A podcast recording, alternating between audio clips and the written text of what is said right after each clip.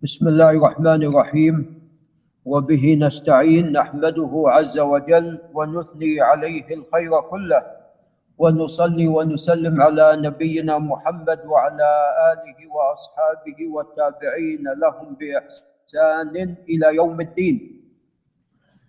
أما بعد فقال الله أما بعد فقال مجد الدين أبو البركات بن تيمية رحمه الله تعالى في كتابه المنتقى من أحاديث الأحكام. قال باب الوضوء من مس المرأة. يعني أن مس المرأة ناقض من نواقض الوضوء. وقد اختلف أهل العلم في المقصود بالمس. هل هو الجماع؟ هل هو كناية عن الجماع؟ أو هو مجرد أو مطلق اللمس. فمن قال أنه نعم يعني كالقبلة وما شابه ذلك فهذا ينقض. وهذا قول آخر لأهل العلم. وأما القول الثالث أن المقصود من المس هو الجماع أو لامستم النساء أي جامعتم النساء. و القول الثالث هو قول عبد الله بن عباس رضي الله تعالى عنهما. والقول الأول أو الثاني هو قول عبد الله بن مسعود رضي الله تعالى عنه. ولعله والله أعلم الأقرب والله أعلم هو القول الثالث. وأما القول الأول فهو ضعيف وليس بشيء. وذلك أن الرسول صلى الله عليه وسلم عندما كان يصلي في الليل كانت عائشة معترضة. فكان إذا أراد أن يسجد قرصها فسحبت أو جذبت رجلها أو رجليها. فليس مجرد آه، المس. هذا القول الأول ضعيف وإنما القول الثاني والثالث هما محل الخلاف بين أهل العلم ولعل القول الثالث والله أعلم لعله هو الأقرب. وذلك لما يأتي. قال وقرئ أو لمستم النساء. وهذا يؤيد القول الأول ولكن بظاهره طبعا. ولكن السنة تفسر القرآن العظيم. وكما تقدم أن الرسول عليه الصلاة والسلام كان يقرص عائشة فتسحب رجليها يغمز عائشة فتسحب رجليها. وهو يصلي صلى الله عليه وسلم. قال وعن معاذ بن جبل رضي الله تعالى عنه قال أتى النبي صلى الله عليه وسلم رجل طبعا معاذ بن جبل الأنصاري الأشهلي رضي الله تعالى عنه من كبار علماء الصحابة. نعم. وقد توفي وهو ليس بالكبير. قيل 29 توفي. وهذا فيه نظر والله أعلم. وقيل 39 توفي بمن؟ الأستاذ أبو بكر معنا وقد يريد يميل بعض التراجم.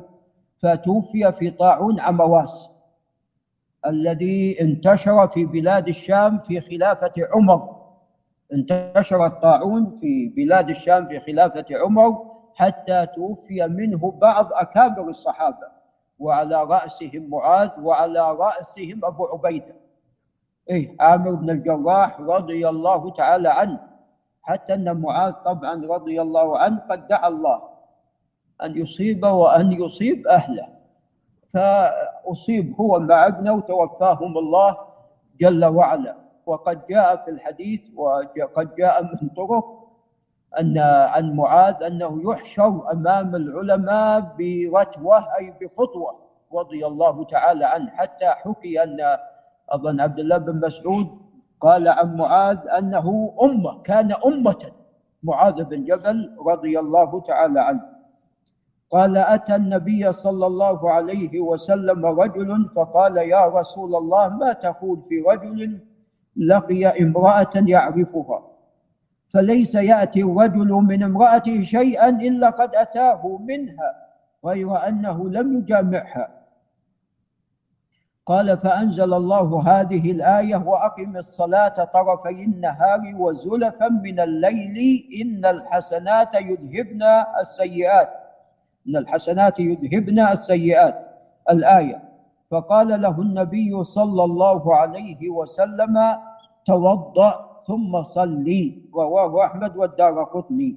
وهذا لا يصح لأنه من طريق عبد الرحمن بن أبي ليلى عن معاذ وعبد الرحمن بن أبي ليلى لم يسمع من معاذ. قال أبو عيسى الترمذي هذا حديث ليس إسناده بمتصل. عبد الرحمن بن أبي ليلى لم يسمع من معاذ. وروى شعبة هذا الحديث عن عبد الملك بن عمير عن عبد الرحمن بن أبي ليلى عن النبي صلى الله عليه وسلم مرسل. فهذا الخبر لا يصح. وإنما الذي صح وهو في مسلم أن هذه الآية نزلت وليس فيه توضأ ثم صل ليس فيه ذلك. نعم. ليس فيه توضأ. وإنما قال صليت معنا ونحو ذلك. ليس فيه توضأ. قال وعن إبراهيم التيمي وهو إبراهيم بن يزيد بن شريك. التيمي الكوفي كان عابدا من عباد التابعين. وتوفي سنة خمس وتسعين. وعندنا إبراهيم بن يزيد النخعي كلاهما في طبقة واحدة. هذا عابد والثاني فقيه. نسأل الله من فضله. وقد قال الحجاج ائتوني ب ائتوني بإبراهيم بن يزيد. فقيل عندنا اثنان. فقال ائتوا بهما جميعا. فاختفى إبراهيم بن يزيد النخعي أبو عمران وأما التيمي فأخذوه. نعم وتوفي في الحبس رحمه الله تعالى. قال عن عائشة طبعا هو لم يسمع من عائشة أم المؤمنين عن عائشة رضي الله عنها وعن أبيها أن النبي صلى الله عليه وسلم كان يقبل بعض أزواجه ثم يصلي ولا يتوضأ. رواه أبو داود والنسائي. قال أبو داود هو مرسل. إبراهيم التيمي لم يسمع من عائشة. وقال النسائي ليس في هذا الباب حديث أحسن من هذا الحديث وإن كان مرسلا. وأهل العلم طبعا قد يستدلون بالأحاديث التي فيها بعض الضعف. فهذا فيه بعض الضعف وقد جاء من طرق وقد جاء من طرق. فيستأنس به على أن مس المرأة وإن كان بشهوة إذا لم يخرج منه شيء أنه ليس بناقض. والله أعلم. قال وعن عائشة رضي الله عنها وعن أبيها قالت إن كان رسول الله صلى الله عليه وسلم ليصلي وإني لمعترضة بين يديه اعتراض الجنازة. لماذا هي معترضة بين يديه؟ الحجرة صغيرة. الحجرة مو مثل الآن إحنا عندنا حجر واسعة وكبيرة هي حجرة واحدة صغيرة. نعم. فلذا هي معترضة إذا أراد أن يسجد عليه الصلاة والسلام سحبت. نعم قدميها. قال حتى إذا أراد أن يوتر مسني برجله. رواه النسائي. وفي رواية أنه غمزها ولعل أبو ناصر يراجعها. نعم. قال وعن عائشة قال وعن عائشة رضي الله تعالى عنها قالت فقدت رسول الله صلى الله عليه وسلم ليلة من الفراش فالتمسته فوضعت يدي على بطن قدمي وهي منصوبتان ساجد عليه الصلاة والسلام.